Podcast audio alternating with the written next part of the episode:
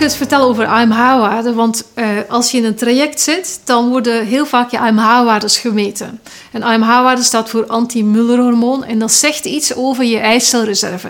En artsen meten dat omdat ze dan weten van hoe, hoe stimuleerbaar is deze dame nog? Hoeveel moeten we heel veel hormonen toedienen of juist minder als, als er heel veel eicelreserve is om overstimulatie te voorkomen. Dus dat is de reden waarom AMH gemeten wordt. En heel lang werd AMH-waarde alleen op zichzelf gezien als een marker voor je eicelreserve.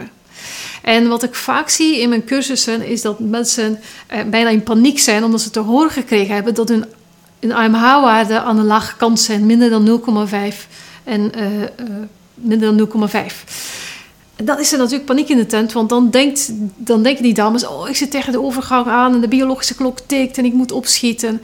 En volgende keer, als ze dan in een volgend traject zitten en de AMH worden we nog een keertje gemeten, dan in één keer zitten ze boven, boven de 1 of bij de 2. Van, eh, hoe kan dat nu? Dus AMH-waarden fluctueren. Dus AMH-waarde op zichzelf is geen marker voor je ijzerreserve. Het geeft een indicatie, maar het is geen marker. Je moet eigenlijk nog drie andere markers meten: inhibine B, het LH en FSH. En samen met dan AMH krijg je een goed beeld hoe het zit met jouw ijstelreserve. En hoe het daarmee zit met die waarden en wat die moeten zijn, beschrijf ik uitgebreid in een blog. Dus ga daar even naartoe. Er staat een linkje onderaan dit filmpje.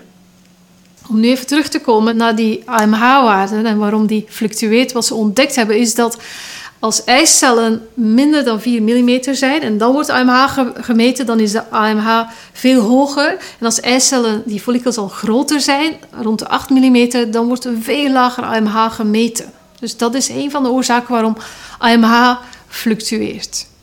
Nu, stel nu dat er bij jou een AMH-waarde gemeten, gemeten wordt dat dat heel laag is en die andere markers wijzen er ook op dat jij dat jouw eicelreserve laag is en dat je tegen de overgang aan zit, dan is er nog steeds geen reden tot paniek. Als er geen technische problemen zijn en je, kan nog, en, en je hebt nog steeds een ijsprong, je overleert nog steeds, dan kan je nog steeds zwanger worden.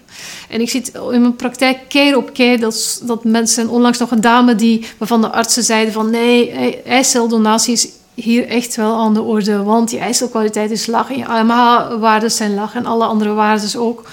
En die toch nadat ze aan de slag gegaan zijn met voeding, met de juiste supplementen, met lifestyleveranderingen, die toch natuurlijk zwanger worden. En deze dame in dit geval, ondertussen is ze bevallen van een, van een dochtertje.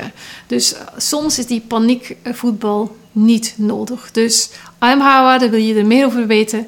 Kijk even, klik even op de link onder het filmpje.